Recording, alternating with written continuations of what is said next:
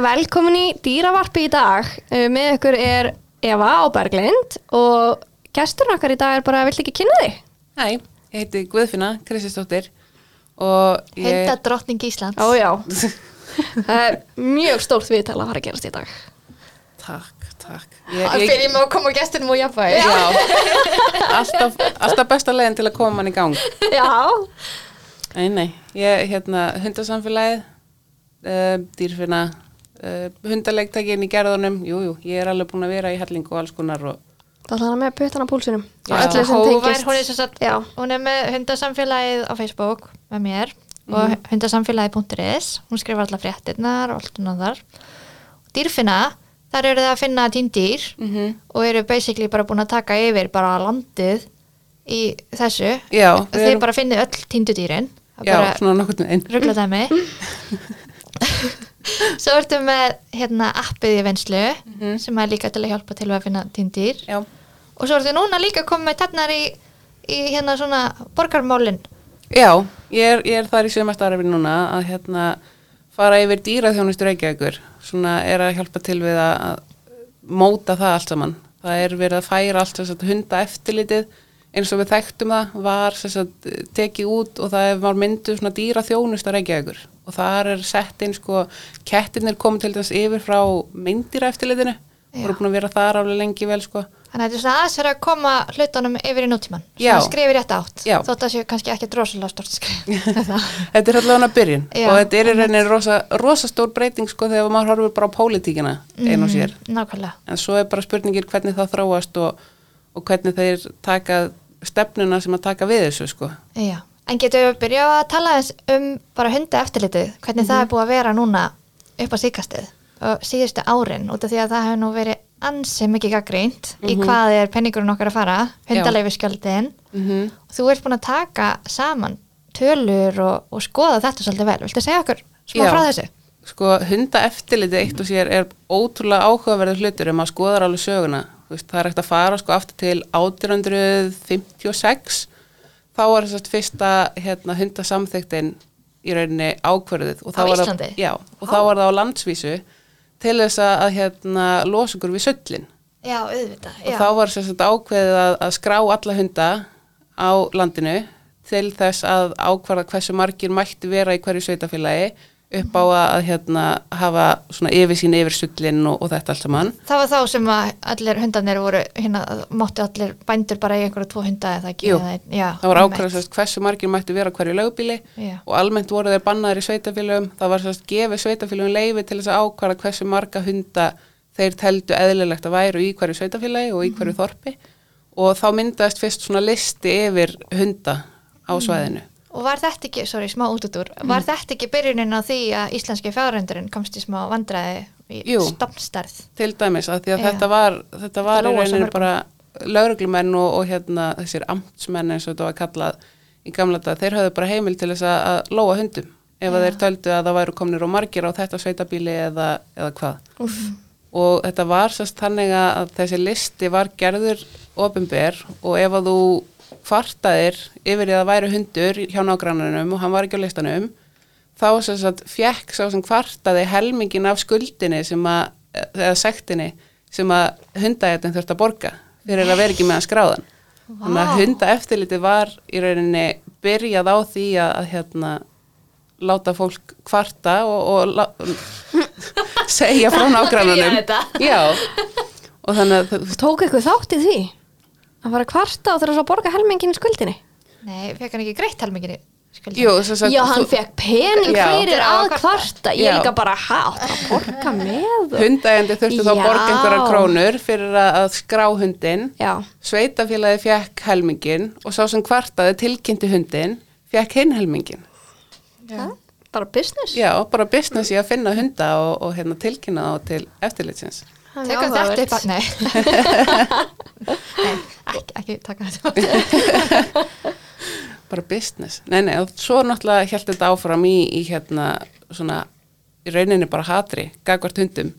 Og hérna við getum alveg horta á það til dæmis fjölnir þarna tattúmaður sem að átti hund ólega í Reykjavík sem að fann lík niður í öskulíð Já, hann lendiði í að þurfa að fara í fangelsi af því að hundurinn hans fann hinn líkið. Lögreglan bara, vá, takk fyrir þetta, við erum búin að finna mannin sem hafa búin að vera týndur í tvo daga. En heyrðu, það er hundur hérna, þú þarft að annarkort borga fyrir hann að fara í fangelsi. Ég vissi þetta ekki. Þetta er Þetta- mögnisaga sko. Þetta- hvernig var þetta? 1984 þetta er í kringum tímabilið þar sem að hundasamþyktinu var breytt yfir í það að hundar væri bannaðir gegn undan þá þú máttir skrá hundin en hann var samt sem áður tæknilega séð bannaður en þú fegst leifi fyrir honum. En skráðir var líka, hérna, og fyrir þannan tíma, þá var vist bara svona rosalega margir sem áttu hunda en voru bara svona smá rebels. já, já, já, Þeir eru ekki Og- bara að fá fjölnir og hérna, heyra sögur hans? Ég mæli með sko. Já. þetta er alveg rosa áhugaverð saga og hérna Mhm. HRFI er með hjálpa honum að borga upp skuldina til þess að hann þyrfti ekki að vera í fangilsinu okay, hann ákvað það sko, hann hafði ekki efnaði að borga Já, þú skuldina. gæst farið í fangelsi Já. fyrir að vera Ég með held að hann hafa fengið viku hérna í fangilsi eða þá að borga einhvern pening og Það það, nú bara, bara myndi ekki borga sig fyrir Meira en, en margir aðrir sem ættu að sitja inni. Já, en fínt að að muna eftir svona hlutum þegar við erum að hugsa um að manni líður eins og Ísland sé alltaf svolítið eftir á með löndin í kringum okkur. Já. að við erum allan að búin að ná góðum árangri, við vorum kannski bara upphálega miklu, miklu eftir en hinn löndin. Það. Er nefnilega ekkert langt síðan Já. þú veist, eins og framnesvegurinn þar sem að hundurinn var skotin út á meðri götu. Það er hann 1950, nei 85 held ég líka. Þetta er á sjöpum tíma þar sem að lauruglan fekk bara að skjóta hund ef hann var talin aggressífur af einhverju leiti ef hann urraði eða veist, Já. eitthvað. Og við verum með fólk sem að bjó með hunda á heimilinu og voru bara með góða svalir og hliftu þeim þar út af því að það mátti ekki fara með hann út af því að það var svo hrættum að þeir eru tekið á honum. Já, og það er ekki þarna- nema 30, 40, kannski 50 ár síðan. Já, nú skilum maður líka svolítið svona kommentin oft frá eldra fólki að hundar er ekki heima í bænum, þú veist, kannski bara alið upp við þetta Já, og þetta hugafari um hunda og gæludýr. Já, þetta var mjög stert í fólki og eðlilega er mjög erfitt að breyta þessu. Og við sjáum bara breytingur sem er búin að vera núna seinustu ár, hérna 2-3 ár síðan strætó leiði hunda, uh, gældir og laugavegurinn, það var bannað að vera með hund á laugaveginu til 2013 já. til dæmis, Var það er ekki lengur síðan. Gnar, þegar hann var borgarstjóri, þá breytti hann hérna, var það, var það orðalagið eða eitthvað svolítið, sem hundur væri ekki bannaði lengur, heldur væri þetta bara, það var 2006, Já. þá breytti hann því yfir að hundar væri heimilæðir en skráningar að skilda já, en ekki bannaðir uh, með undanþái ummitt. og það er aftur svona pólitískur sigur Já. sem að þýðir kannski búið að lítið fyrir hundaegandan sem er að borga hundalefiskjaldi Mhm. en þýðir rosa mikið upp á þessa fordóma og, og hérna þessa skoðun sko yfirvaldsins Nefnilega. gagvart hundinum þannig að þetta er búið að vera rosalega mikil breyting og ég held að hundasamfélagi líka bara á Facebook það sem að Berglind stopnaði náttúrulega og ég, veist, ég kom bara inn sem meðlemur sko, hún hafði bara sambandið með hæ, hérna það er rosa flott hjá þér kommentin og eitthvað. Ég var að spá hvort þú vildi vera með mér Berglind, þú er aldrei sagt þetta. Og hún kom inn bara mjög fljótt sko. Út af því að þetta stækkaði 2000. þetta stækkaði rugglarætt ég var bara herði, já, ég vil ekki hundagrúpu og, og kósi eitthvað svona, fólk að posta myndum. Svo bara randast inn meðlimir og strax svona komna miklar samræður. Mhm. og ég var svona, ja, herði, ég er alltaf svolítið sammálaðisara guðfinni þannig, já, herði, ég held ég sé ekki að fara að ráða við þetta einn og það er sambandið og þú bara, já, Þannig að þú Og- finnur bara svona fólk sem hefur svipa áhugamál og svo bara, ertu með? Ég þekkti Berglind ekki neitt sko. Nei, nei. Aldrei, aldrei ha- haft neitt samskipti við hana nema bara þarna í gegnum hundasamfélagi sko. Já, Því ég var líka bara, ég kósi heima um páskana að hafa notalegt þegar Berglind eitthvað Hæ, viltu vera með mér í podcast? við þekktumst nú alveg fyrir, ég ætla aðeins fyrir. að koma því að ég er ekki að senda random bara mér líst vel á þannig í kommentakerfinu Viltu vera vinu minn? Eva Móri er náttúrulega svona virki aðtöðasendum Svo veist Nei, en svo bara sniðugt. vex þetta rosalega hrætt Já. úr 2000 meðleimum í bara 10.000 mjög hrætt svo allt í einum daginn var þetta að koma upp í 40.000 já, 45 held ég að við séum komin í Þetta er- núna sko. dæmi sko. Þetta er ótrúlegt. Og náttúrulega heima síðan, hún byrjaði þegar voru hvað, 20.000 já, ég held að það var Meðlimir. 2016 Þannig að, og þessi áhugi er náttúrulega endurspeglar bara hvað er mikið af hundum. Já, og sýnir líka bara þróunina hjá hundægjandum sjálfum í, í umræði um sko. Ótrúlegur munur Ef við Hvernig tala fara- um þjálfun Já, úrnótkun, uppeldi, Mhm. uh, umhverfistjálfun, þetta er bara heiminn og haf. bara hinn almenni hundægandi Já. núna til dæmis bara veit hvað umhverfisþjálfun er Já. það var ekkert fyrir tíu árum Nei, þetta er bara ótrúlegur árangur Já, og þannig er náttúrulega gífulega mikilvægt að, að taka inn borgarlífið, veist, að, að umhverfist þjálfa inn í samfélagi sem þeir eru í. Þess vegna er svo stórt skref eins og kringlan leifi hunda á, á sunnudöfum. Þannig að fó- fólk getur Já, farið með hundin. það ennþá? Já, Er það ekki bara smáhundar samt? jú, þeir segja sko að hérna, þeir, það þurfa að vera hægt að halda á þeim upp og niður rúlustegan. Þetta er í rauninni Já, þannig, þeir vilja ekki fá það inn í liftuna og þetta þarf að vera, þú veist, þannig að Þarf ert að með- geta það auðveldlega? Nei. Ég held að þeir spyrja þau ekki. Þannig að þetta er einmitt eitthvað svona sem að er örlítið skref fram á við. Fólk segir alltaf hvað með stóru hundana og, og hérna, en þetta er kannski, Það er gott að byrja eitthvað starf. Og ég held líka að þetta sé eitthvað svona sem að er, það er verið að reyna að finna leið til þess að vera með alla sátta. Við erum ennþá með aðalega sem eru gjörsamlega á móti hundahaldi og finnst þetta algjörar ófreskur. Já, einmitt, bara gera hunda sínilega, gera Já. stilta hunda sínilega og Nákvæmlega. þá fer fólk að svona treysta það betur Já. og þá fer samfélagi að lefa meira. En er ekki líka þessi strætó, er ekki bara einn hundur leifður? Nei, það er eiganda? alveg, já á eiganda, jú. Já. Það er svo að einn hundur eða þá eitt búr. Það mátti vera með tvo tjú áa til dæmis í einu búri. Já, ok. Þannig ég gæti drösla búrinu með mínum tveimur lillu. Já, Já. til dæmis. Ok. Og ég meina það var rosa slagur. Ég var í, í hérna uh, vinnuhópnum í kringum það og Já. þetta var alveg frá því að hérna, það væri bara ekki sens að leifa þetta því að hundarnir myndu bara míga og skítalstar og geta upp sætin og býta konan og býta fólk og Já.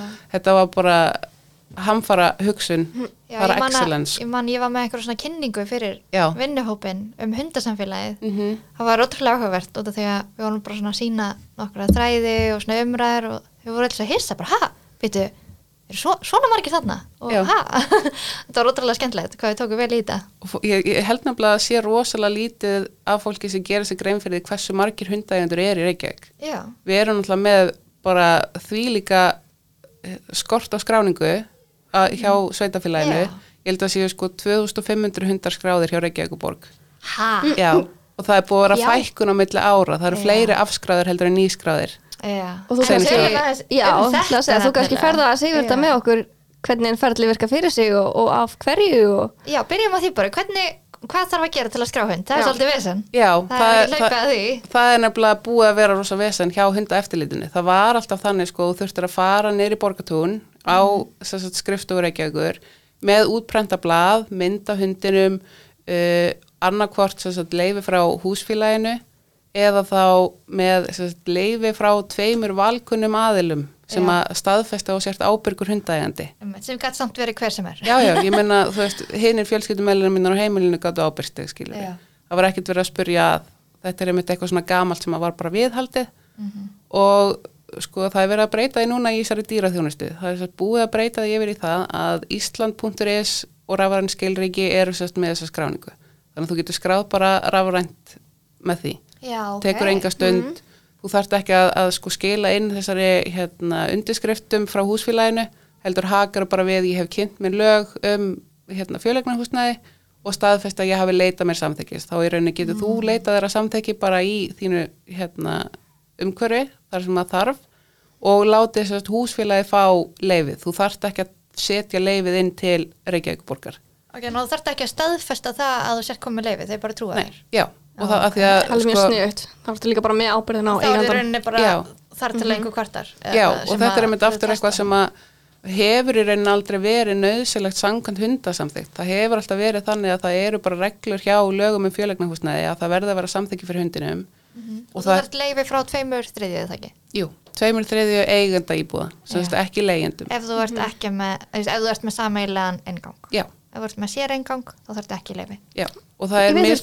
með og það Við erum með opinn stigagang hjá okkur og það þurfti ef, að- leifi. ef að það er Já. sameigilegur partur. Já, og það sem þú lappar inn á sammælegt svæði, hvort sem að Já. sé lokaðar eða opinn, Mhm. þá þarf leifi. Já, þetta er til dæmis mjög oft uh, vandamála að átta sig á hvort þú sért í sameign eða ekki. En það er svo margir líka sem halda ef að stigangurinn er opinn, Mhm. að þá er þetta ekki sameigilegt. Já, En þá máttu fá þér hund á fyrstu hæð. Eða þú ert bara með þinn eigin engang. já, En um leiður þarft að aðra á þriðju, þá er þetta alveg sameigilegt. Já, mér finnst gott að hugsa þetta þannig ef ég þarf að labba einhver staðar þar sem að hinir í húsnæðinu þurfa líka að labba Mhm. til þess að komast inn til mín þá er þetta mjög líklega talin sameilu Já. stegagangur. En þetta er samt flókja því að þú ert til dæmis með stega beint upp að tveimur hurðum og þú í annar hörðinni og það er annar sem býr í hinum, þetta er bara Já.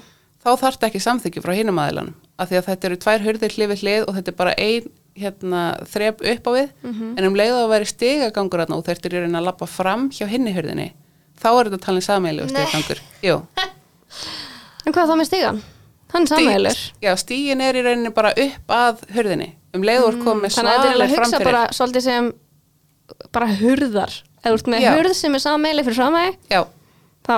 Gildir þetta. Já, þú þarf að lappa fram hjá okkur hörð. Já. já, ef það eru svalir sagt, eftir húsinu, til dæmis. ok. Þannig að þetta, þetta getur alveg verið svolítið Mhm. iffi. Þannig ég kæmist upp með það sko, því að hjá mér, þá lappar upp stiga og hurði mín er bara fyrsta hurðin. Ég lapp ekki fram hjá neittni hurð. Já, þá tæknilega séð, Gæti ég öruglega verið, ég er öruglega svolítið grásvæði. já, það væri allavega mjög áhugavert að heyra lögfræða áleitt Já. með þetta sko. Mhm. Af því að, að ég hef heyrt um tilfelli þar sem að fólk hefur fengið samþyggi fyrir því að þurfa ekki samþyggi hina Mhm. við svona aðstæður. Af því að þú ert ekki að fara að lappa fram hjá hinum íbúðunum. Já, ekki það, ég bý í frábæri blokk, þau bara, það er hundar eru kvattir til að vera. Já, sem er eina ástæð fyrir við keiftum með með þarna þá sé reysa garður fyrir börn og hunda tekið skýrt fram, Ah, lokaðar garður allt það er eingrútlegt. mjög Og þetta er einmitt eitthvað sem að hef, hefði ekki sést fyrir tíu Nei, árum sko. og þegar ég var að, að, að leita af íbúð sem tók náttúrulega ógeðslega langa tíma sem að mátti vera með hunda Mm. Og ég sá þetta þá bara fjall ég ennþá meira fyrir Mhm. bara íbúðinni og úst, fólki sem að býr hjá úst, hvað sem er, hérna nágrannar mínir Já, þeir eru allir alveg bara indislegir og allir alveg elska hunda og dýraðna sko. já. Já, minnst það bara að segja mikið um fólk þegar Já. það er hérna svona þengjandi. Það er Já. náttúrulega auðvitað sjálfsagt, maður tekur upp eftir á í garði, bara Já, já. sjálfsagða reglur, en mjög skemmtilegt. Og líka bara svo mikilvægt einmitt á svona svæði að, að halda þá þessu góða orðspori við dýr að Mhm. einmitt passa allt sér hreinlegt og, og hundinni sé ekki að valda ónæði. Já, ég held nefnilega að það sé almennt þannig eins og maður sér með strætó og svona þegar hundægandi með bóðin einhver betri þjónusta þá eru þeir rosaduglega að passa sig upp Já. á að missa ekki þessa þjónustu. Ég, ég hugsa það einmitt að því að virðingin mín við nágrannana er þá bara svo mikil að ég Já. bara tek alltaf upp eftir á, alltaf, úst, við, það er ekki leift á hérna, eftirlitslausa í garðinu til dæmis. Og svo leis, það er bara, ég fylgja öllum reglum að því ég ber bara það mikla virðingu fyrir þeim að hafa leift hunda Já. og vera með girtan sameilan garð þar sem þeir getur bara hlaupið um og, og leikið sér bara skiptir öllu. ótrúlega miklu máli. Svo er þetta svo fyndi samt að hérna, just nefn, maður tekur þetta lengra að börn til dæmis. Mm. núna má ég segja þetta og því ég á börn. Að börn valda svo miklu, miklu meira ónaði þú veist, það eru þvílík læti í börnum en fólki svona almennt Skemma meira. gaman, þú veist, mér finnst bara krútlegt að heyri krökkum út að leika sér og, og þú veist ég hef búið með reisastóra barnafjölskyldu frá mig þar sem að maður heyrið alveg bara bolta vera að rúlla og, og eitthvað þrýhjól inni og, og svona að rúlla með frá loftinu. Ég, þú veist, ég var í prófum og þetta voru alveg smá læti. Ég bara, ég bý í fjölbíli fylgir því, mér var alveg sama. En um leið og þetta er hundur þá verður allt vittlust okkur með hundar ekki gælta smá? Nákvæmlega, ég bý ég mynd sko beint á móti leikskóla. Við erum að tala um það að það er einn breiður vegur á milli mín og girðingarannar yfir á leikskólan. Þannig að það er sko, það er alltaf háfaði. getur ímyndaður að þetta væri hundahótel eða eitthvað? Það væri meina- allan daginn það verið allt vittlust Þeir fá ekki leiði fyrir. Nei, það er bara, það hafa, hérna, hafa einstaklinga leitað eftir að fá lóðir útlitaðar hjá Reykjavíkuborg fyrir Já. hundahótel Já. og það er bara yðnaðarhúsnaði einhverstaðar út í raskati af því að ég það er skil það samt alveg. já, já, en það sýnir alveg að þú veist, við getum verið með leikskóla við getum verið Já. með, þú veist, málingar og bílaverkstæði og alls konar svona í Mhm. kannski minna þéttbíli en svona innan þéttbílis marka Já, það er alveg óþóra að setja aðstöðun upp á holmseði eða já, mm það er hægt að finna þarna smá málamiðlun. Sko.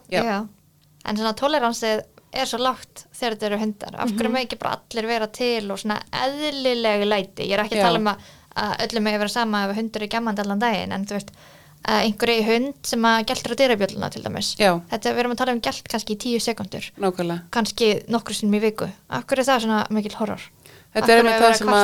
Þetta er einmitt það sem að hundaeftirlitið er í rauninni að takast á við núna. Það eru þessar kvartanir frá almenningi og ég hef séð sko nokkrar mismöndi kvartanir. Ég sá eina sem er sko 10 ára gömul og þá erum við að tala um alveg bara að það kom hundur í hverfið og þá var það bara ófreskja sem að væri að fara að býta börnin sem að myndi lappa fram hjá og það bara þurfti að taka hann áður en að það var búið að reyna á neitt wow. þannig að það er, þú veist, það var fólk sem að voru sendin til Reykjavíkuborgar og, og mér skilst reyndar að það hafi ekki verið gert neitt í því tilfelli Já. nákvæmlega en það sýnir kannski sk- skoðunina Já. gafkvært hundinum og núna er þetta meira einmitt gælt Mhm. og þá erum við svolítið að þurfa að fara að taka umræðin um hvað er eðlilegt gælt og hvað ekki Mhm. ef að hundin er gæltandi til dæmis með einn klukkutíma dag stanslaust og maður heyrir að þetta er stressgælt þá þarf náttúrulega að taka því bara hundsins vegna þá erum við bara að tala um dýravelferðamál nákvæmlega. Að hundinum líður það illa hann þarf að vera gælt og er kannski að fólk að koma heim með hásan hund bara út frá gælti Og þá finnst mér einmitt áhugaður pæling.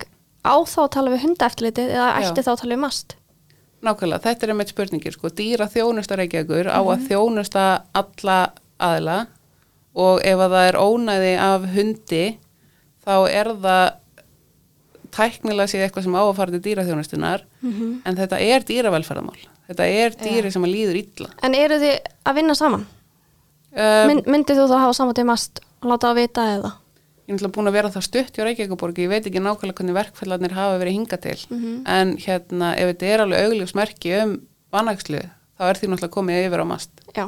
þannig að hérna, þetta er alltaf spurningin um að meta sko, er þetta óabyrgur hundægandi sem er ekki að nennastandið í að, að hérna, passa på hundi sinn eða er þetta dýri sem að líði virkilega illa. Einmitt. En ok, ef við erum með skráningarnar, ef við klárum það Já, við erum alltaf yfir eitthvað annað. Þannig að þú getur bara klára allt ferlið núna rafrænt. Já. Og þá færðu bara reikningi heimabankan mm og tölum nú aðeins um já, hennan það, blessaða reikning. Já, það er nefnilega sko, ég sá það að það var umfjöllun um þetta inn á rúf og vísi og eitthvað svona gær. Og þá að setja, ég held að vera MBL sem hafa talað um að skráningagjaldi er núna tvö skall og hérna ef maður skoðar sérst nýju gjaldskrána þá er vissanlega skráningagjaldi 2000 kall. Já, þetta væri tilhörunarverkefni til þryggja ára eða eitthvað að lækka hundaleguskjöldin út af því að væri svo mikið vandamál hvað fáir er, að, er að skrá hundana sína. Það er náttúrulega bara, það, sko, þeir meta 50% skráningu. Ég held Þannig að það eru sé nær- 5.000 hundar í Reykjavík. Já, ég held að við séum mun nærði að sko tala um kannski 30% Já. ef það mikið. Já. Og hérna þeir tala um þess að skráningagjaldið fari niður í 2000 kall en það er árlegt eftirlýsgjald upp á 9900 krónur. Og það sagt bætist við þessa fyrstu greiðslu. Mm. og það er sagt verið að flækja þetta svolítið með það að mér skilst að þetta árlega eftirlýsgjald sem er 9900 þú getur fengið þennan afslátt af hundalefiskjaldunum af fyrsta árinu núna sem að var ekki hægt áður fyrr. Af því að áður fyrir borgaður 20.800 fyrst í skráningagjald. Í skráningagjald. Og þá gast ekki fengið leið, eða sagt, afslátt af leifinu þennan 50% sem að var alltaf í bóði fyrir ná þú árið á 2 hundanámskeið sem sagt, ef Já. þú ferð með hundin á námskeið þá getur þú fengið hérna vottorð um að þú- hvað hundurinn hafi lokið prófi farið með það í sveitafélagið og fengið 50% afslátt af hundalefiskjaldunum Já, og það myndi þá tekin á næsta ári. bara ekki á skráningagjaldinu heldur af hundalefiskjaldinu alltaf eftir það árlega. Já, og það er þá 19.800 þetta árlega eftirlýsgjald sem að var þá hægt að taka 50% af. Núna er þetta þannig að þú borgar 2000 skralli í, í hérna þetta árlega nei, í skráningagjaldið svo er þetta árlega gjald sem að þú borgar 9900 fyrir en þú getur fengið afsláttinn niður í 6900 á ári. Ef þú ferð á námskeiða. ef þú ferð á námskeið. Og skiptir einhver máli hvar þú á námskeið. Jú, þetta þurfa að vera samþyktir skólar frá sveitafélaginu. og, og nú ætla ég að fá að tjá mig sem myndaþjálfari Sem er reynslu. það er svo leiðilegt að sorry, ég ætla bara að segja, mér er leiðilegt að halda á svona námskeið út af því að ég fæ bara að lista ef að ég ætla að hafa námskeið sem er samþýtt að Reykjavíkuborg þá þarf ég að fara eftir lista frá þeim þú þarf að kenna hundunum, uh, hundunum þarf að taka próf sem sýnir að hann kunni þetta og þetta og þetta mig langar, veist, já og þetta þurfa að vera fáralega margar klukkustundir.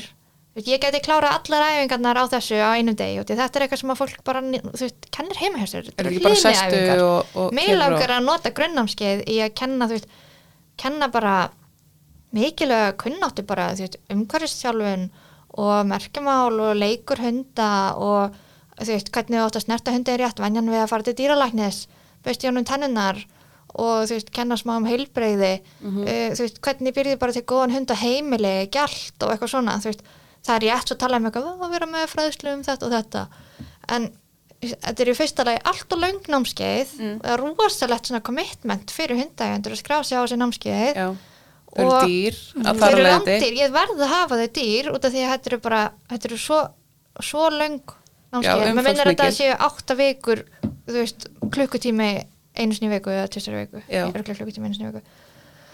Og, já, meira, þetta var, þetta var ég nefndi, þú veist, eins og ég sé, það er langt síðan ég hafa átt þessi námskeið og þetta er svo leiðilegt. Og ég hef alveg sendt þeim post og verið að útskýra, þú veist, mínar leið á þessu Mhm. og fæ engin svör en þetta, þetta finnst mér stórgallu í að Já. ég, þú veist, mér myndi til dæmis finnast eðlilegt og að hundægandi og já líka þetta er per hund þannig að ef að þú ferðir annan hund eftir eitt ár þarftu aftur að fara á allt þetta námskeið og Já. borga þú veist 40 skallið eitthvað fyrir það. Já, eða tekur við hunda dýrahjálp til dæmis. Já. þó að hundurinn sé búin að fara á námskeið hjá fyrir eiganda tekur þá að það er að eitthvað fara 7 ára aftur. hund sem er bara stiltur Já. fárulegt mér finnst það bara eigandi megi þá hafa þetta val og það er bara vera námskeið sem er þú tvær vikur eða eitthvað. Eða tvö skipti, helganámskeið eða með- fræðsla bara. Ég er aðeins búin að vera að tróða mér inn hann hjá Reykjavíkuborg og hérna ég er mitt bent á þetta að þetta væri bara ekki búaði. Þetta er einmitt eitthvað sem að verður mjög áhugavert að sjá hvort að dýraþjónustan stendur undir að því að það er verið að lækka sem sagt, afslátti sem þú færið úr 50% niður í 30% fyrir að fara á námskeiðið Já. en á móti kemur að þeir ætla að opna á hvers konar námskeiðið þetta er. Þannig að þeir geta farið að bjóða upp á að það séu merkjamál eða korpatímar eða þú veist þannig að það sé bara metið æði. meira sveigurum inn í það hvað er ábyrgur hundahægandi Já, af því að það, það getur alveg verið mjög góður hundur og, og bara vel hæfur í samfélagið þó hann kunni ekki að sitja að kera með þú lappar í burtu frá honum og býða í mínútu og koma aftur tilbaka Nákvæmlega. og svo líka mjög margir fara á svona námskeið til að fá afsláttin Mhm. þannig að þú ert bara að skráð þig og þú ert þannig með fólk á námskeið hjá þér sem langar greinilega ekkert að vera þarna. Já, og það er veist það er mjög leiðilegt líka fyrir því. það er bara leiðilegt fyrir alla Já, sko. það er leiðilegt fyrir alla, nákvæmlega. Það græðir enginn að því. Nei. þetta er bara til að fá okkur svona tjekk og Já. afslátt. Í staðin fyrir að þú myndir kannski fá þér hund og þú alveg, já, heyrðu, mér langar að fara í þefinu með hundin, mér langar að stefna þangað. Og þá bara, þá ætlum ég að fara í nósverk námskeið og þá ætlum ég Já. að gera svona.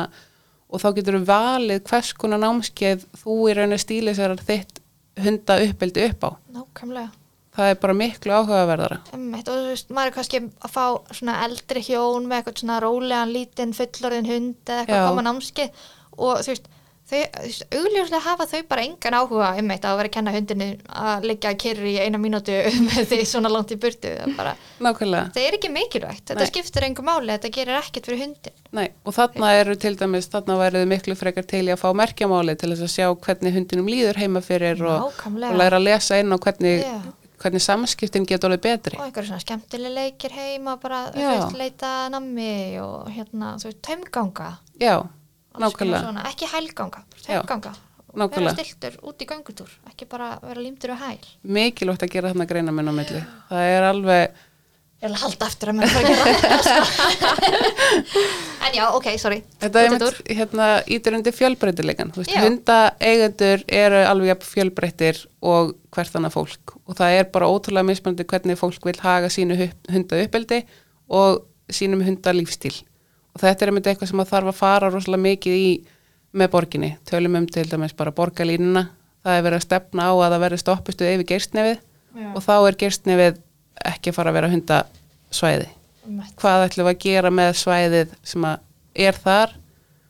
Og það er hérna uh, hundasvæðin sem eru nú þegar í borginni. Það þarf að fara að uppfara þau og skoða þau. Hvað ætlum við að fara að bjóða upp á í hundaþjónustu með Einmitt. þessum breytingum? Nákvæmlega.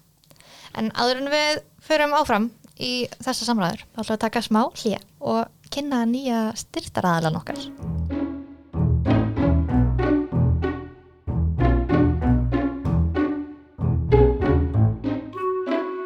Okkur langar svo að segja ykkur frá nýja styrtaraðalanum okkar sem er dýravinur.is en þau eru með stafrænar teikningar af okkar bestu vinum hundum og göttum og öruglega fleiri dýrum líka. Já, og þeir ætlu að bjóða, ætla að bjóða okkar hlustundum upp á 15% afslátt.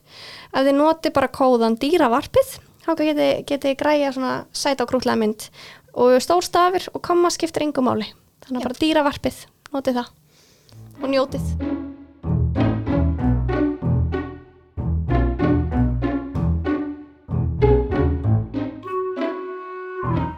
Velkomin tilbaka og nú ætlum við að halda áfram með umræðana með hérna, hundaeftirliti Já, og heldur hann að segja ykkur frá því hvernig það er þarna með skráningagjöldin og, og námskeiðin mm já, og þess að hunda þjónustu í raunin bara Langar yfir svolítið höfuð. að fara yfir bara, þú veist, ok, þú borgar þetta leifiskjald Mhm. í hvað er peningurinn að fara? Af hverju erum við að borga þetta? Um, þetta var náttúrulega að fara í hundaeftirlitið og þá var þetta uh, tveir hundaeftirlitsmenn og hálfur rítari, sérst vera borgarlegin hálfs rítara og hérna leiga á húsnæði, leiga á húsnæðinu hann nýri borgartúninu sem var ótrúlega stór hluti, þetta var laun og, og hérna leiga á húsnæði, bara mestuleiti það var 80% af útgjöldunum þá. Vá, og þannig að hérna, þetta var lítil þjónusta og þetta var í rauninni bara svona ákveðið eftirlit. Það var bara þeir að sinna þessum kvörtunum á frá milli fólki. 8 og 4 Já. þegar allir eru í vinninni nákvæmlega og það var ekki tætt að tala við á ef þú varst með lausan hund eftir, hérna, eftir þann tíma um eða um helgar. helgar, já. Þannig að hérna, og tölun og gjömi var kettina, þú veist, það var bara meindir eftirlitið og þá gætt bara hver sem er ringt og bara heyrðu það köttur í garðinu mínum vil fá fellibúr. Og svo var bara komið fellibúrið. Og svo var bara spurning hvort að manneskjan sem var með fellibúrið í, í garðinum hjá sér væri að fylgja lögum og reglgjörðum um eftirlit og, og þetta já. að þetta var náttúrulega bara kannski út um vetur eða eitthvað.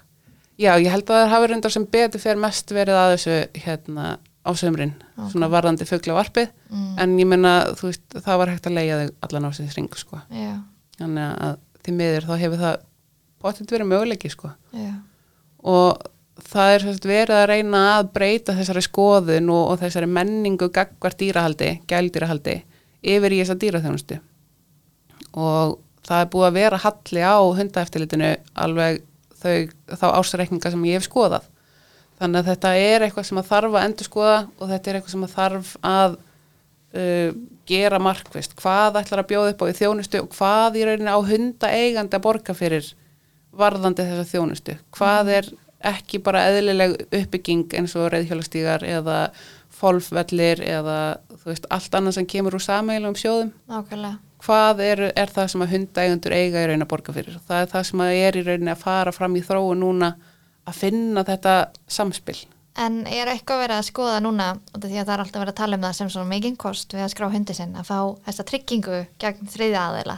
já, Nú hef ég bara aldrei á minni æfi fundið mannesku sem hefur fengið eitthvað úr þessari tryggingu og ég hef leitað og ég hef alveg umgengs mikið á hundafólki. Veist þú um einhvern?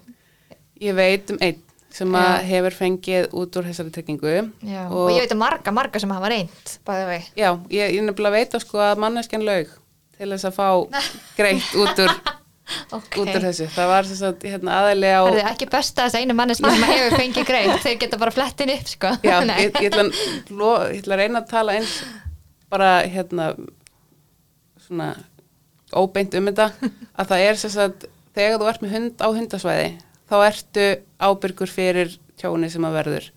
Að það er ekki eftir að fá neitt út úr ábyrðartjóni eða að þriði aðila. Um, þetta er aðili sem að voru að koma sérst af hundasvæði og það er að koma bíl á móti og hann lendir í því að rispa hurðina. Hoppar sérst upp á því að hann kannaðist um manneskinn í bílnum og hann rispar hurðina. Og það er þarna sveigrúmið, ertu inn á hundasvæðinu eða ekki? Og af því að hún var á bílastæðinu þá gat hún sagt, ég var komið með hann í taum ég var, kom, ég var á leiðinni inn veist, ég var ekki á hundasvæðinu þannig að það er eina leiðin sem hún fekk út, hérna út úr Ok, tryggingunni ég skil þessa tryggingu þannig að til dæmis ef ég færi með hundum minn í heimsókn til lefu Mhm. og hundur minn myndi hoppa sjóvarpennar og brjóta það mm. þá ætti þessi trygging að kofera það um, mér það er ekki skil- tjón gegn þriðaðila Jú, en það er þess að það kemur fram í þessum skilmálum sem að, að hérna, sveit, þetta er ekki frá sveitafélaginu þessi skilmálar heldur er þetta frá tryggingafélaginu sem að sveitafélagi kaupir hérna, trygginguna frá. Að þeir sem sagt uh, segja að ef að þú býður hundinum heim inn í bíl eða hvað ég veit um manneski Já. sem að hundurinn sko var í pössun og hún var með hún í bíl og fór inn í búð og kom tilbaka og hundurinn át höfupúðan Já, á meðan hún var inn í bílnum, eða inn í búðinni þá sem sagt af því að hún bauð hundinum inn í bílinn þá var þetta ekki ábyrð tryggingafélags þess að borga út. Já, þannig að þetta er alveg klálega eitthvað sem ég hef sterkar skoðanir á og það þarf að fara að endur skoða líka þessar ábyrðatryggingu og líka eins og ef að hundurinn minn veldur öðrum hundi skada mm veist, af hverju það, af hverju flokkast aldrei undir þessa á, tryggingu þessi, Já. á þetta allt sem hann að falla undir hunda eftirlitsgjaldið. Mér finnst það, en það gerir Eða- það ekki. þessi skilmál sem það er að tala um þú veist, þetta er greinlega augljóslega ekkit vola góðir. En þetta er samt það sem þú átt að geta fengið ef þú borgar hunda eftirlitsgjaldið Já, þeir segja sagt að það er hérna innifalið í gjaldinu er ábyrð sagt gegn tjóni þriðjaðala mm. og smáleitri sveitafélagi kaupir þessa tryggingu frá tryggingafélagunum og þá er það bara miða við þær hérna þá skilmála sem að tryggingafélagin setja sér. Þannig að sveitafélagi í rauninni hefur ekkert um það að segja. Nei. en svo getur þú keift auka tryggingu á dýrið sem er þarna slísa trygging já, þá Það Ætti það bara kannski- þínum, þú veist, ef að þinn hundur slasast þá er, þá er þú hlýtur ekki að keift eitthvað svona viðbútar nei þetta er nefnilega sko. þú getur, þú getur keift sko farið sjálf sem Mhm. einstaklingur og keift ábyrðar tryggingu þriðjaðala já, en það er nákvæmlega saman tryggingin og sveitafélagið er að bjóða upp á já, ok. Þannig að það, þú væri bara tví tryggja með nákvæmlega sem er tryggingunni. Já. og það, sem ég er eitthvað svo sem sem að að maður ekki fatti. En það spurning Nei. kannski halst um þetta þetta heimilega heimilistryggingi en hvað var þetta eða eitthvað, ég veit ekki. Ég, mér er þeir skilst að segja þá trygging ekki nei, þetta er hundi, þú er bara að nota þriði ég hef heilt það sko að, að hérna, manneskja lendi í það heimilisundun hennar hérna eðilaði glerugu Já. og af því þetta er heimilisundun á heimilinu þá hefði það átt að vera gegnum tryggingu, dýratryggingu og þá er þetta, getur ekki bara logið og sagt að batni gera það jú, ég menna þarna ég, veist, fólk gerir það alveg öruglega ef það ef það ætlar að hafa þetta svona. Já, þetta er einmitt eitthvað sem að þarna er þetta að búa til í rauninni lögbrjóta eða Já. einhvern sem að lígur. Já. Og þetta er einmitt viðmóndi sem að hefur svolítið verið í hundaeftirliðinu það er bara ótrúlega mikið af fólki sem segir bara ég ætla ekki að borga hundalegu Mhm. af því ég er ekki fánit fyrir þau ég er ekki fánin að þjónustu, þú veist ég er ekkert að græða á þessu. Og þá býð ég bara frekar eftir því að, að hérna, ég sé tilkynntur.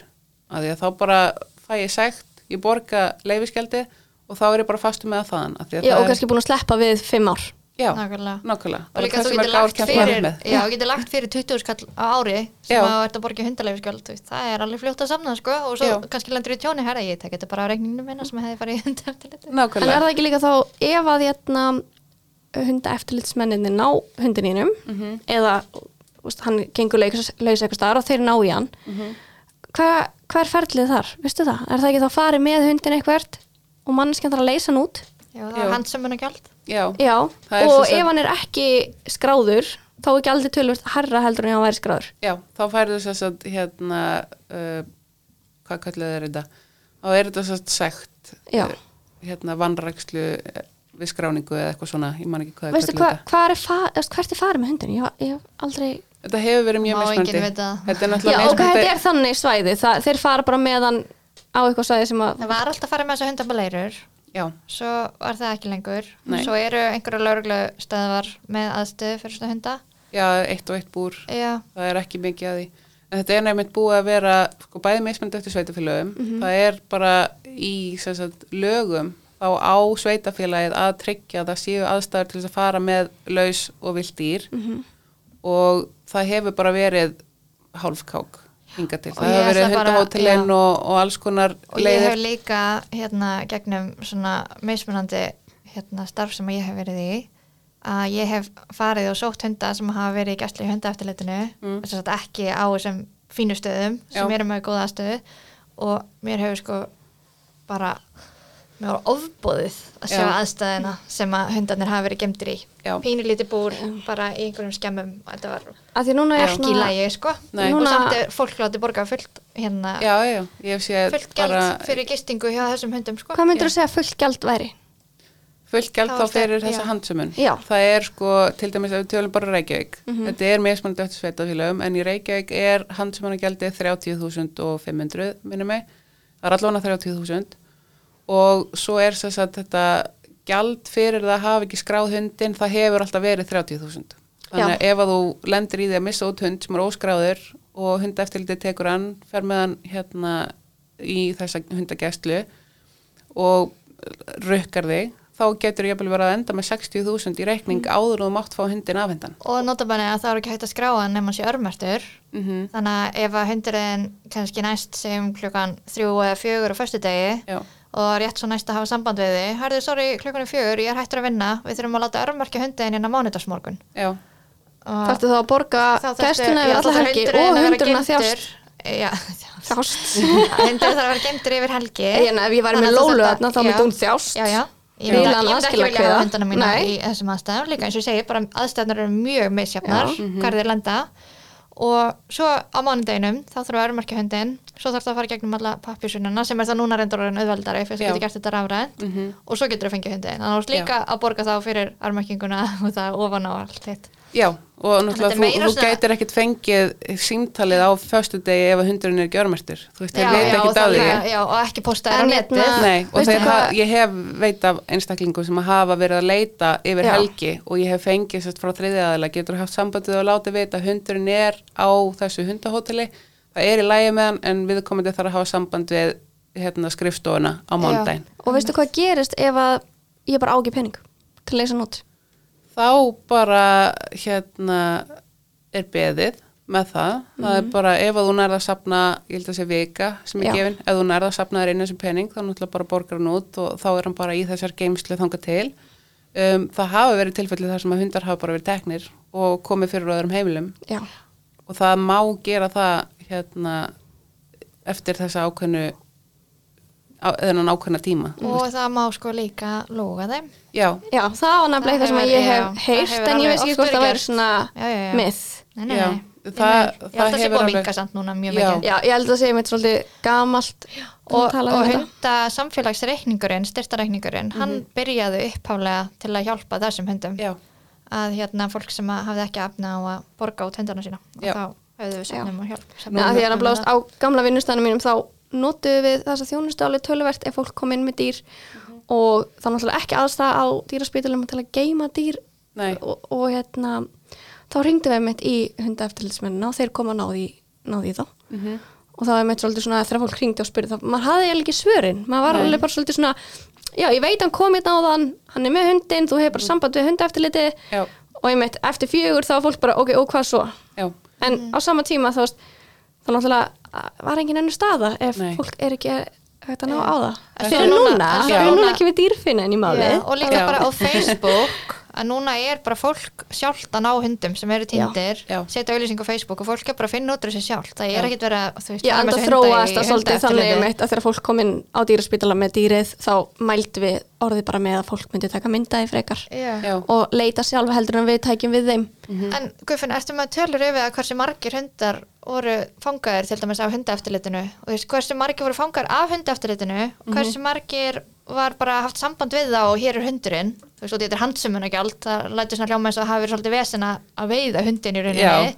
Þú veist, þessar tölur og líka þú veist, hvernig þetta breytast með árunum. Ég ímynda mér að það séu færri og færri sem er að enda hjá þeim út af Facebook. Já, það eru sem sagt, hérna, ég er með tölur sem ég fekk frá eftirlitinu í Reykjavík einhvern tíman og það er sem sagt, sko, árið 2009 þá voru 306 tilkynningar um lausahunda og af þeim voru þá 159 sem að fóru í geimslu 2009 Já, 2009 og þetta er búið að hríðlækka. Það er sko 2016 eru nýjustu töluna sem ég hef um lausahunda, þá voru það 62 tilkynningar og 11 sem að fóru í, í hundageimslu og svo Vá. er 2018 þá voru 8 hundar sem að voru settir í Já. hundageimslu. Þannig að þetta eru örfáur hundar sem eru settir í geimslu og þetta eru yfirleitt þau tilfelli þar sem að hérna, eigandin er einmitt ekki með hundin örmertan. Veist, það, þegar það er engin önnu leið fyrir samfélagið að finna eigandan, þetta er gamall eigandi sem er ekki á Facebook er ekki með hundin skráðan af einhverjum ástæðum í örmerkja gagnagrunin, þannig að það er ekki eftir að fletta því upp í gegnum dýraðukinni. Það eru þá lík, líklegast þeir sem eru að enda hjá þeim. Já. Og þetta er, þetta er líka breytast hjá hundaeftirlitinu sem er sérst, núna dýraþjónustan. Aðstæðan er orðin þannig að það eru komnir upp sérst, gámar, breyttir gámar í fjölskyldu hústýragarðinum. Þar sem að hundar og kettir geta verið gemdir. Og hérna, ég veit að hunda eftirlitsmaðurinn sem er nú starfandi, hann fór um daginn þegar týndist mín í pinser niðri í hérna 105. Hann sagt fekk tilkynningum að hefði einhver séð lausan hund hlaupa niður í grjótagarðin þar sem að guðli vitin er hérna beint fyrir neðan og hann fer sko á miðnætti niðrættir og hérna nærunum þar sem hann var bara næstu í druknaður. Hann hafði Ok. dottið inn á milli í grjótagarðinum Næ. og náði honum upp þar og kom honum í geimslu upp í fjölskyldu hústýrigarði og hafði svo samband við eigandan daginn eftir og þá rettaðist það. Svo var ég um daginn bara seinustu helgi, þá var köttur sem kom í fellibúr hjá einstaklingi og ég fór einmitt á miðnætti niður í fjölskyldu hústýrigarð, mættinni þar og skannaði köttin og létvita og sá köttin þurfti sko að fljúa austur til eigilstaða af því að eigandinn var fluttur í burtu. Já, vá. Þannig að það er aftur komin breyting þannig hjá þessari dýra þjónustu varðandi hvað á að gera varðandi þessa þjónustu við dýrin. Mér finnst nefnilega, mér finnst þetta að vera svo mikið skref í rétta átt. Mér myndi finnast mjög eðlilegt að það væri eitthvað svona dýralögga sem að myndi sjá um gæludýrin og svo væri matvælastofnun og það sem að væri þá meira kannski að sjá um svona húsdýr sem eru í, í matvæla framleiðslu og, og slíku. Og þá væri í rauninni bara ummeitt, eitthvað svona flott félag sem að myndi bara taka þessir öll, þessi leiðilegu erfiðmál, bæði mm tindir og vannrækslu og tilkynningar og það væri bara svona mjög svona auðvelt fyrir fólk að nálgast þessa þjónustu allan sólarhengin Já. Og, og þetta, einmitt- væri bara í rauninni samstarfi við laurugluna. Og þetta er einmitt eitthvað sem að þyrti að taka inn fjölbreytileikan á aðstæðum. Vistu, við erum að tala um hundar sem eru að koma úr erfiðum aðstæðum þar sem að mast hefur verið að taka á því, þar sem að það er vannræksla og við erum að fara alveg yfir í hundar sem að týnast einhverstar úti og þeir eru ekki örmertir. Mm Þannig að ég til dæmis með dýrfinu, ég treysti mér ekki til þess að vera að taka inn einhver mál sem að dýrahjálp er með sko 20 ára reynslu í. Ég treysti mig til þess að taka við týndu dýri og koma hann fyrir sest, á sínu heimili, koma hann aftur heim. Já. Og meðan dýrahjálp myndi taka við dýrum sem að eru sest, ekki að fara á sitt heimili aftur, fara á fósturheimili Einmitt. og eru að fara í gegnum þetta ferli að finna nýtt heimili. Já. Það er bara miklu, miklu meiri fagaðili til þess að taka á þessum málum. Og það, það sýnir að samstarfið þarf að vera þarna milli. Algjörlega Sveitafélagsins og þessa aðila sem eru komni með margra ára reynslu Já. í þessum málaflokki. Nú er líka bara fullt af svo flotti fólki sem er að vinna í alls konar málefnum tengd dýrum og maður sér bara að þetta er svo stór markaðar í rauninni Já. það er svo mikið, og núna sérstaklega í COVID eru náttúrulega allir að fá sér dýr Mhm. að það er, og líka fyrir COVID voru fleiri og fleiri og fleiri, Já. hundar og kettir kaninur og öll þessi dýr og það þarf að vera bara meiri þjónusta í kringum þetta, og Já. meiri svona auðveldar að nálgast fræðslu og Mm og mér finnst svo flott bara eins og dýrfinna og, og appið og þið með hérna Dr. Dýra og villi kanínur og villi kettir -hmm. og, og sko sjóð púkarófu og, og hundasamfélagi þetta er svo, er svo margt í gangi og, og ekkert af þessu er að fá styrki nei. Og, og fólk ofta er að tala um sko að þetta er svo mikið af aðilum, þetta er svo mikið af félögum og af hverju er þetta svona stórt og mikið og alls konar. þetta að það er út í að er Já. enginn sem að getur gert þetta allt Já, og líka sérhæfingin er það mikil. Þú veist, Já. þeir sem er að taka við fugglum hjá Project Henry eru í alltaf öðruvísi aðstæðu heldur en hérna Katholt er með kettina og, og þú veist, dýrahjálp er með hundana og, hugstu ykkur að það væri bara að það væri einhver svona bara ríkis, reikið, einhver svona stopnun sem að myndi bara samin allt þetta fólk.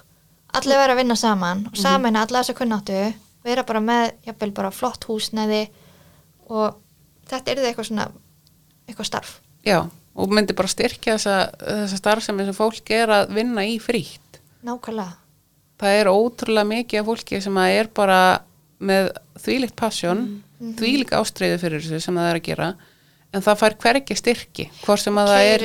Já, maður Já. verður svolítið, einmitt, eins og segja, maður verður svolítið bugar já, að vera að vinna í þessu endalist. já Og ég minna þetta bara- er þvílíkt hark sko. Eins og segja, við náttúrulega erum að reyna að hafa samstarf, veist, við hjá Dr. Dýra viljum einmitt samstarf við dýrfinu Mhm. og, og reynum að hafa það samstarf við dýraðukinni og, og koma öllum svona saman, en þetta er gífuleg vinna sem fer í þetta og tíminn og svo er maður í 100% vinnu og gerir hitt svo bara upp á hobbyið, sko. já, Já. Og eins og þú segir, ef þú ert að fara út á miðnætti að skanna dýr, Mhm. ert að, þú, þú farið ekkert fyrir það. nei Þetta er bara ástriðan þín. Já, Hversu já. lengi ætlar að gera þetta?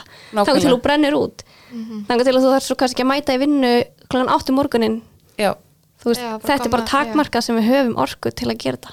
já, og þetta er líka eitthvað sem að maður á ekki sko að neyða fólk til þess að gera að því að sko ég var alveg til í að það væri einhver þjónasa sem myndi gera þetta fyrir mig en ég Já, bara já. get ekki fara að sofa vitandi Nei. að það er hundur einhvers staðar sem að geti verið að fara heim til sín Mér, svona, mín tilfinning er einhvern veginn að það er ekki neinn pressa á svona ríkið eða einhvern, ég veit ekki hver ætti að sjá um þetta að gera þetta út af því að það er alltaf þetta flotta fólk Já. Já. sem er bara að gera þetta ókipis og þetta bara virkar rosalega vel finnst svo þeim er bara, eins og þú segir, það er enginn þannig að styrkja allar svo stopnarnir Mhm. en En það þetta væri sýnir kannski einmitt hvað, hérna, hvað það er mikið af fólk að gera alls konar í sínum hotnum já, og hvað það þarf í raunin að finna leiðir til þess að samina fólk saman og, við erum þetta, að ef þetta væri ríkisveiki þá væri þetta kannski styrkur sem að væri ábyrrandi Já, eins og við keftum báða náttúrulega með Dr. Dýra og Dýrfinni í gullleikinu mm og það var líka líkífuleg vinna já Og- það var rosa vinna. Svo náttúrulega rannís það er bara margra vikur ef ekki mánuði að fara í gegnum. Og þetta er, Já. svona vinn, þetta er svona tími sem að teka frá sem við gætum verið að vinna í að betrum bæta þjónustur okkar við dýr. Já, og bara þetta til er að fá okkur að Svo bara ekki nóg miklu peningar í gælidýra bransanum Já, ég held að þetta sé svolítið svona mál sem að fólk sér ekki, sko. Þa, það, er, það er ekki skráð hversu margir hundar eru til á landinu. Það er, veist, það eru svona tölfræði sem ekki tekið saman eins og MMR sagði 2018 eða fann útið í könnun að það eru hundar á 24% heimila. Það eru uh, tölur frá HRFI segja að það voru 2600 kvolpar nýskráði 2019 og 2800 kvolpar nýskráði 2020. Þannig að það er rosa Kvolpar kvolpar nýskráður í HRFI og það eru sko fullt af hundum sem að fæðast án þess að vera skráður í HRFI. Þannig að við getum, við getum ímyndað okkur að það séu allavega 5.000 kvolpar sem hafa verið nýfættir 2020. Já. Og, og hvað voru margir? 5.000 skráðir hjá Reykjavík 2500. 2500. Það, það eru 5.000 skráður á höfuborgarsvæðinu. hérna á öllu höfuborgarsæðinu Já, hundaeftirlitið hjá... Þetta sýnir bara að þetta, þetta dæmi er ekki að virka Nei. Fólk lætur ekki bjóða sér þetta Nei, og, og til þess að það verði einhver breyting þarna á, það þarf að vera breyting á þjónustu.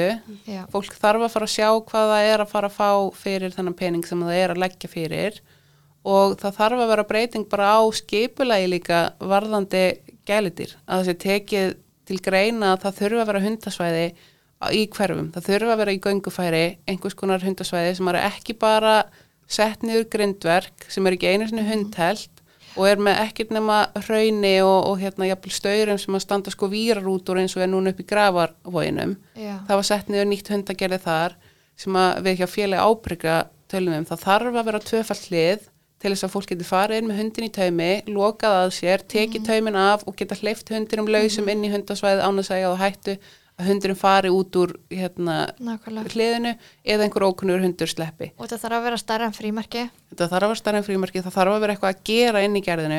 Þú getur ekki verið bara með grasflöt og brætlast til þess að hundurinn sé ekki að fara að eðalega það. Og það þarf líka að vera hundtelt. Það er búið að vera ótrúlega mikið af því að það eru gött undir grindverkina því það er ekki verið að passa upp á að þau séu hundtelt, þau eru of lítil. Það var verið að fræ, færa hundagerðið í Mosó núna um daginn. Já, það var lokað fært- í allt ekki? Nei, það er búið að færa það og það var sett upp við Vesturlandsveginn. Nei, það er bara, maður horfi bara á Vesturlandsvegin og það er búið að lækka grindverkið. Það er bara í 140, þetta var 160 flottasta held ég hundagerðið. Já, ég held að það sé alveg jafn stórt núna reyndar Já, en það er svo nálægt umferð. Það hafa hundar farið fyrir bíla í ártúnsbrekkunni frá gerstnefuna því að það er ekki já. afgert. Bara oft sko. Og þeir hafa sloppið þarna yfir og, og farið yfir ellavadalinn og verið týndir alveg í klukkutímanu saman. Já Mér myndi líka finnast aðlilegt að hérna að hundarleifiskjöldin færi til dæmis í bara að hafa fleiri ruslatunnur. Algjörlega, ég veit ekki hversu oft ég fari á hundasvæði það sem er yfirfyllt hunna. Já, og ekki bara hundasæði, bara út um allt þú veist, Já. ég, ég var hérna lengst af með þrjá hunda og þið veit ekki hvað er leiðilegt að þú veist kannski, þeir voru alveg stundum að kúka tveisar bara hvor, eða hver hundur þá er ég bara með sex kúkapoka í hendinni Mhm. bara leitandi akkur ruslatunum skilur og haldi í þrjá tauma. Já. það er ekki gaman. Og nú komið barnakerru og allt saman. Og getur geimt það í henni. Þú getur gemt það með dósunni Ég er einmitt búin að vera í því núna í, í hérna Reykjavík. Þá er ég búin að vera sko að fara yfir hundasvæði núna senustu dag og er búin að vera að gera skýslu um hvað er að, hvað má bæta, hvernig getum við bæta, til dæmis bara lýsingu á svæðunum, veist, það er bara ekki hægt að bjóða upp á það að sé engin lýsing yfir vetramánuðina, hvernig ætlar að taka upp eftir hundiðin og svo eru náttúrulega já. ruslatunnar og þetta og allt saman. veginni stundum, þú veist, eins og ég er Aðgengið. alltaf í hundagerðinu á vellanum ég Já. elska það svæða, því að bara út í hrauni Já, og ég get alveg treyst í en málega er að ég var á bara svona lítlum smábíl já, og ef ég ætlaði að keira því að þetta er niður brekku já, það var bara, þú sást ekki hólunar og bara hossast út um allt og mm Nú og er aðgengið að Mosó líka var bara stórhættulegt Já. ekki hægt að keira alveg að Nei. og líka fólk sem að nýtur hundagerði er það kannski oft um eitt fólk, bara eldra fólk eða eitthvað sem að Já. kannski getur ekki gengið mikið eða fólk sem var akkurat að fótbrotna eða eitthvað. Þetta er eitthvað sem hunda eftir, eða hundaleifi skjaldi segi, Mhm. ætti að sjá um að mínum mati, eða ég hefði alltaf haldið ef ég er að Já. skrá dýri mitt, eða hundi minn, Mhm. að peningurum minn sem ég er að setja í það ætti þá að fara í allan að viðhald á svona svæðum. Já, Nákvæmlega. og, og við, erum, við erum bara strax búin að laga, það var hérna, uh, ég setti upp sérst fyrir tveimur árum hundaleiktæki í, í hérna hundasvæðin hérna á, á Reykjavíkuborg, fekk leifi fyrir því og þetta voru bara dekk sem voru sérst fest saman, fyllt af sandi og svo voru settar plötur ofan á skemmtilegt og þetta eru svona hæðamunur, fólk getur hérna látið hundana hoppa í gegnum dekkin og ofan á þau og jafnvægi sæfingur og alls konar skemmtilegt. Það var ekki búið að neitt viðald á þeim nema þegar ég fór einstakar sinni með borvilninu mína og boraði aftur niður hérna naglana sem ég var búin að, eða skrúðnar sem ég var búin að setja í plötunar. Þannig að ég svona var búin að reyna að halda því við en það voru á tveimu stöðum allavega sem að plötunar voru farnar ofan að dekkjunum og þá búið eðalega gerðið, upp í gerðin í breiðhaldi og núna bara á dögunum þá var maður sem að fórum mitt og lagaði það því að ég var bara þetta er eitthvað sem þarf að laga. Þetta er viðhald sem að þarf að vera í lægi og það var lagað bara á einum degi. Frábært. að setja niður þessar plötur upp á nýtt það var borað eða sagt saga fyrir þeim þannig að það séu réttri stærð og borað aftur ofan í. Svo líka, fólk er alltaf kvarti við ekkert fara að vera í friði og það er allt skemmt og svona en fólk ber minni virðingu fyrir hlutum þegar það er ekkert viðhald. Ef öllu er haldir rosalega fínu þá hugsar fólk betur um það. Já. það er bara Vil það svolítið sé svo Þetta er margir bara- sem hugsa líka bara, þú veist, herði ég er að borga þetta, svo horfir það á, á hundasæðið og það er ekki að vera að gera neitt. Þú veist, til hvers þá, hver, þú veist, hvernig á maður að nenna þá? Já, og líka hefur maður mjög oft heyrt að fólki sem að stunda svona svæði þetta er bara kannski gras og svo á vorin og haustin er þetta bara eitthvað drulli svað Það er mjög ég nákvæmlega finnst það mitt æðislegt á völlanum, þá var allt í henni búið að setja upp svona leiksvæði. Já, ég sá að þau eru rosalega flott tækin sko. Ótrúlega gaman og, og mína litlu alveg alltaf í gegn og, og maður er með nammi og láta það hoppa yfir þetta og Þetta eitthvað. að flytja í hafnafjörðu Ég er að segja vellindir, sko. Það er mjög skemmtilegt svæði þar. Já. Mér finnst líka ótrúlega flott sem að þú gerir eitthvað finna þegar þú varst að setja hundakókabókana Já, í kringum hundagerðin við erum með mynd að byrja þau aftur hjá Reykjavíkuborg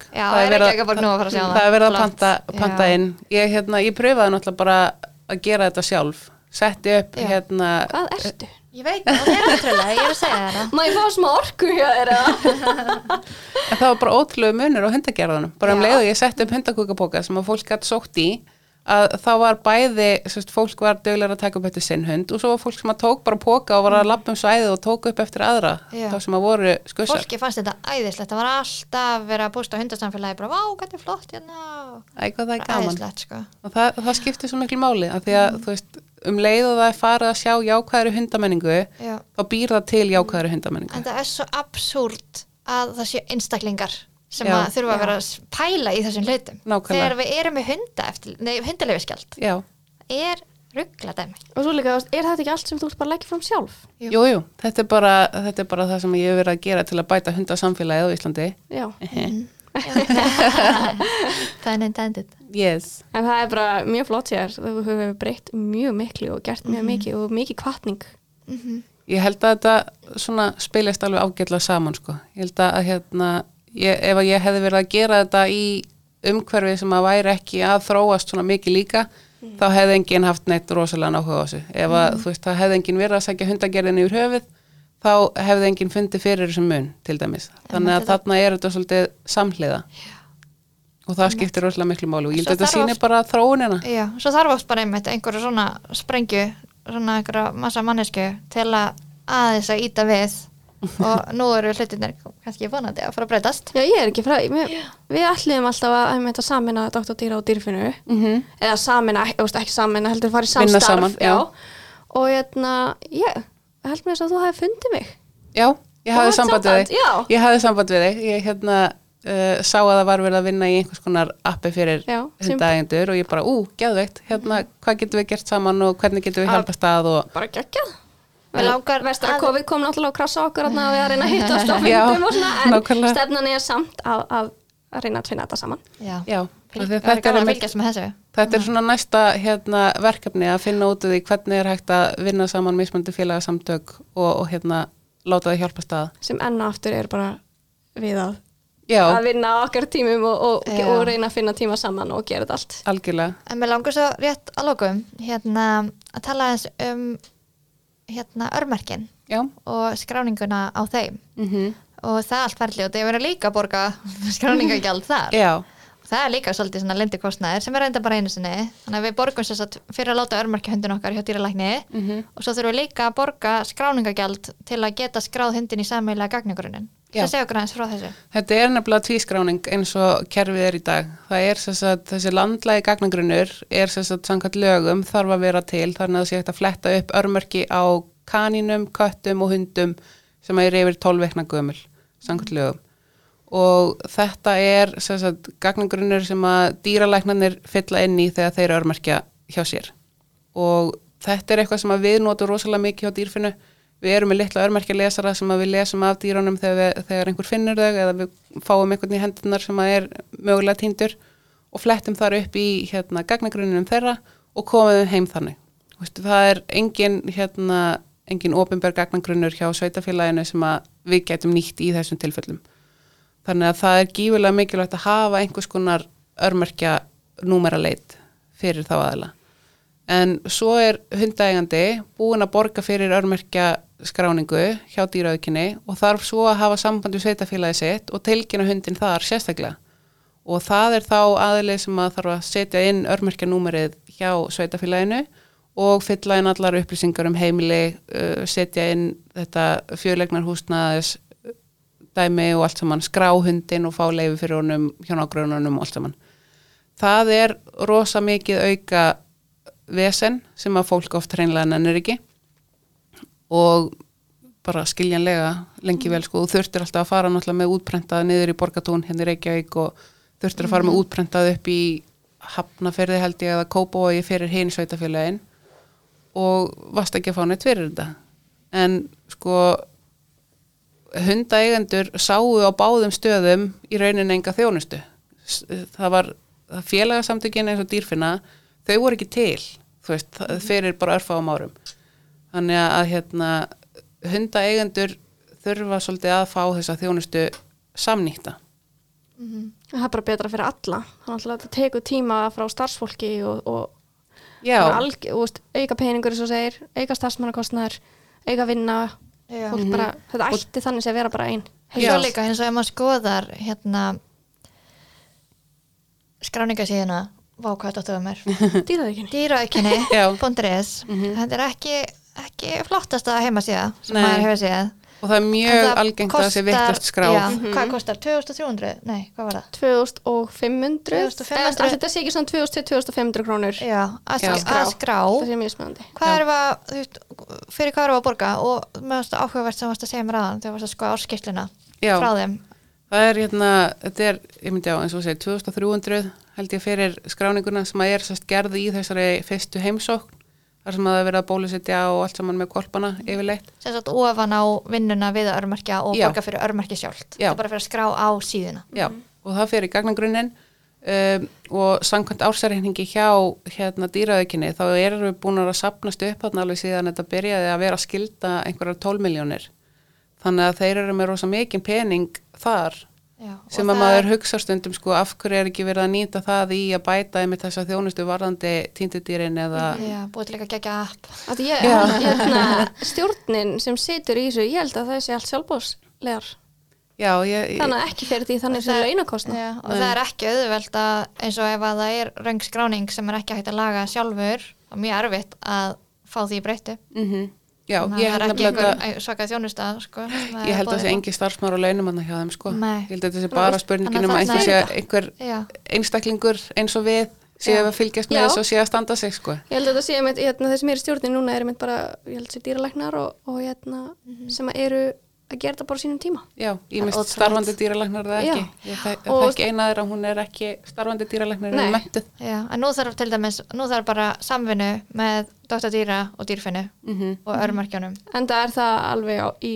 fullu, fullri vinslu Já. eins og er að betur bæta þetta og vonandi fær það fólk meira út úr því sem að þau eru að borga Já. En hugsið eitthvað muni núna á gæludýrahaldi á höfuborgarsæðinu sérstaklega og bara á Íslandi núna á fyrir tíu árum já, hvað er mikið búið að gerast, högstu ykkur hvað verið búið að breytast eftir tíu ári viðbót. Nákvæmlega. Og ég myndi ykkur að ef allir þessi peningur sem er búin að vera að fara í þessi leifisgjöld og skráningagjöld og hægri vinstri myndi ekki fara í þess að þjónustu fyrir Já. aðilana. Nú ert þú komið með hérna tætnar inn þannig hjá þeim þannig að þú græjar þetta fyrir okkur, það ekki? Ég mun allavega að gera mitt besta. Svo Já. er bara að vona að borgin haldi áfram. Já. ég hef allavega að fengi bara mjög jákvæð svör og jákvæð viðmót við því að það þurfa að breyta til hana já, og ég held að ef að það er einhver döglegur sem heldur þessu við og heldur þessu gangandi þá getur þetta orðið mjög jákvæð breyting. Já, en það er ekki bara eitthvað sem við þrjá stefnum í að gera jú, ég held að þetta, þetta sé eitthvað sem að tökum við bara yfir þetta allt Já. saman við já, bara svona djók samt ekki djók það er full alvara já, algjörlega ég er allavega með kröfur sko. ég er, vil alveg, sko, ég er alveg til í að fá þig bara í pólitík bara næsti fórsetisraðar Já. eða eitthvað það væri það fara að neyða mig í fann að tala pólitík saman sko. já, þetta er alveg eitthvað það er það sem að hefur svona alvöru alvöru völd sko. maður finnur alveg mun samt sem áður sko, á því að vera hérna, í félagasamtökum eins og hérna, félag ábyrga hundagenda til dæmis og, og hérna, vera að reyna að tala við sveitafélagin ég finn alveg munin á viðmótinu mm. frá því bara fyrir fjórum, fimm árum já, hvað það var bara engin áhugaði að hlusta mann og bara hundar og hundægendur og hundagerði og á, á að vera einhver leikföng í hérna, hundasvæðunum nóg fyrir ykkur að vera með leifi fyrir hundum Já, nákvæmlega. Þetta var svolítið þannig viðmót Já. og svo er þetta farið yfir í það að það er verið að hafa samráð við þessi félagasamtökum hvernig viljið þið hafa hundasamþugtina, Já. hvaða ábendingar eru þið með og hvað getur pólitingin gert á móti til þess að, að hérna, reyna að koma til móts. Mhm. Þú Veist, það er ekkit allir brjálæðislega ánæði með þessa hundasamþygt sem að er að fara í gegn núna Nei. en hún er þvílíkt framfara að skrifa frá því sem hún var. Nefnilega. Ef við tölum bara um sjöttu greinina sem að er sem betur fyrir farin út sem að var hundaræktun já, þá sem sagt var það varst með hérna, ákast að skrá aðstöðuna þína sem hundaræktun þá þurftur að skrifindi það að hundurinn mætti aldrei fara út fyrir lóðamörk. Já, þannig að það er bara brota dýravelferðalögum já, og þetta er búið að vera í mörg ár. Og þetta er að farið út núna. Já, þetta er farið er út eins og núna. við sem við erum að tala um dalsminni ég ætla bara að segja. Að dalsminni er skráð þá, var skráð sem hundarækt. Já, og þá til að vera skráð sem hundarækt þá þurftur að, að samþykja það að hundurinn færa ekki út fyrir búrið, já, út fyrir lóð. Út fyrir lóð. þannig að hundurinn fyrir aldrei í göngutúru eða fjallgöngu eða neitt skemmtilegt? Nei, hann mætti það bara ekki. engin sem einhver þetta er salun ræktuna dýrin, þú veist, Já. við erum ekki að tala um bara korpana, þeir fara Nei. bara heimili. Já. ræktuna dýrin eru bara först inni og þessin við á móti dalsminni og þetta er einmitt, hérna, þetta var sett inn til þess að sem sagt, hundaræktun sem er með marga hunda þurfi ekki að borga hundalegu skjöldin já, þeir losnuðu við hundalegu skjöldin gegn því að vera skráðu sem það hundaræktun var nú það er lett fyrir þau. Og ég hef heyrt af mörgum ræktendum innan HRFI sem að skoðu þetta og bara heyrðu frábært, ég geti verið að losna við að borga hundalegu skjöldin á hundunum mínum. Skoða svo hvað fylgir í þessari greinu bara ekki séns. Ég get ekki bóðið hundinu mínum að, að þú veist, fara aldrei í göngutúr. Mm við, þú veist, hundaræktun snýst um það að vera með mjög góða hunda sem eru stabilir, eru vel hreyfðir, eru heilbreyðir og vera að fara að loka á inni er náttúrulega bara að bjóða upp á vandamál sko. Já, við langar einhvern tíman að fá þið inn og, og ræða meira svona hundabús ræktun.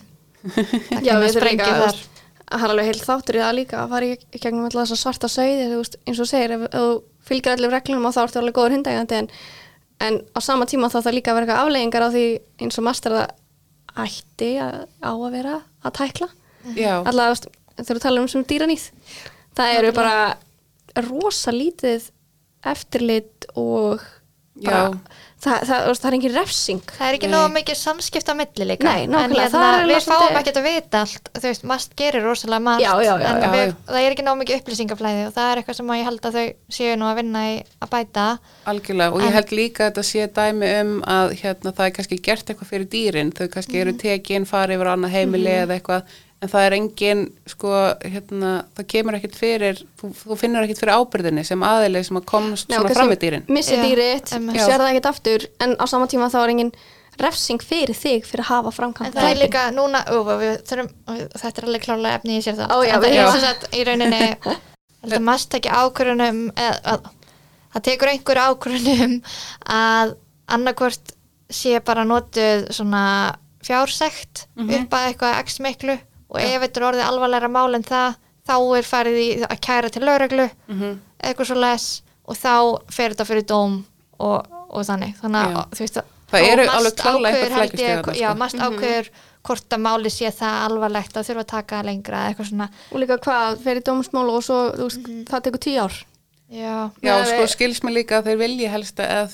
það er ræðsla við það að setja mál í dómsmál Já. að því um leiður komið með dóm í einhverju máli þá eru orðið sko forræðiskefandi þannig að ef að dómstólarnir eru ekki að dæma nógu hart í málum þá er að myndast mjög neikvæður hérna, vani eða hefð Já. fyrir því hva, hversu mikið fólk fær fyrir það að tölum bara um eins og hérna, þessi sem að drekti hundinum Já.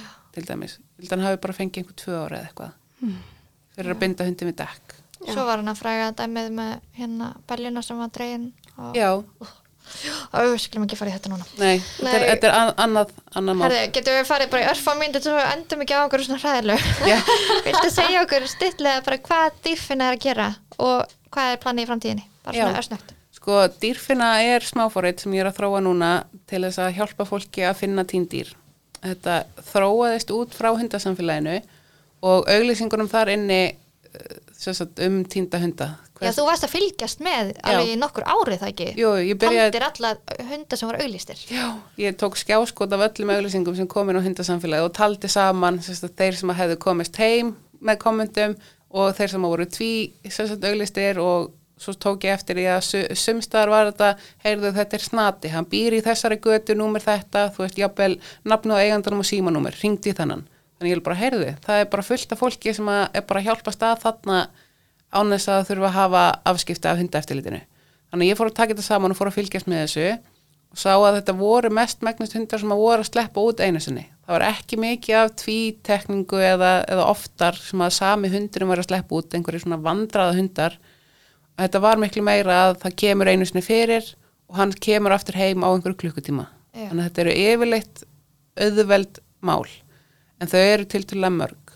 Svo eru tilfellið þar sem að hundarnir tínast og eru þá tíndir í lengri tíma og þá erum við að tala um einhverja klukkutíma upp í jafnvel einhverja daga og það eru þessi mál sem að við erum langmest að sinna hjá dýrfinu sem sérfræðingar í hegðun tíndra dýra og erum að gefa ráð og hjálpa til við leitir.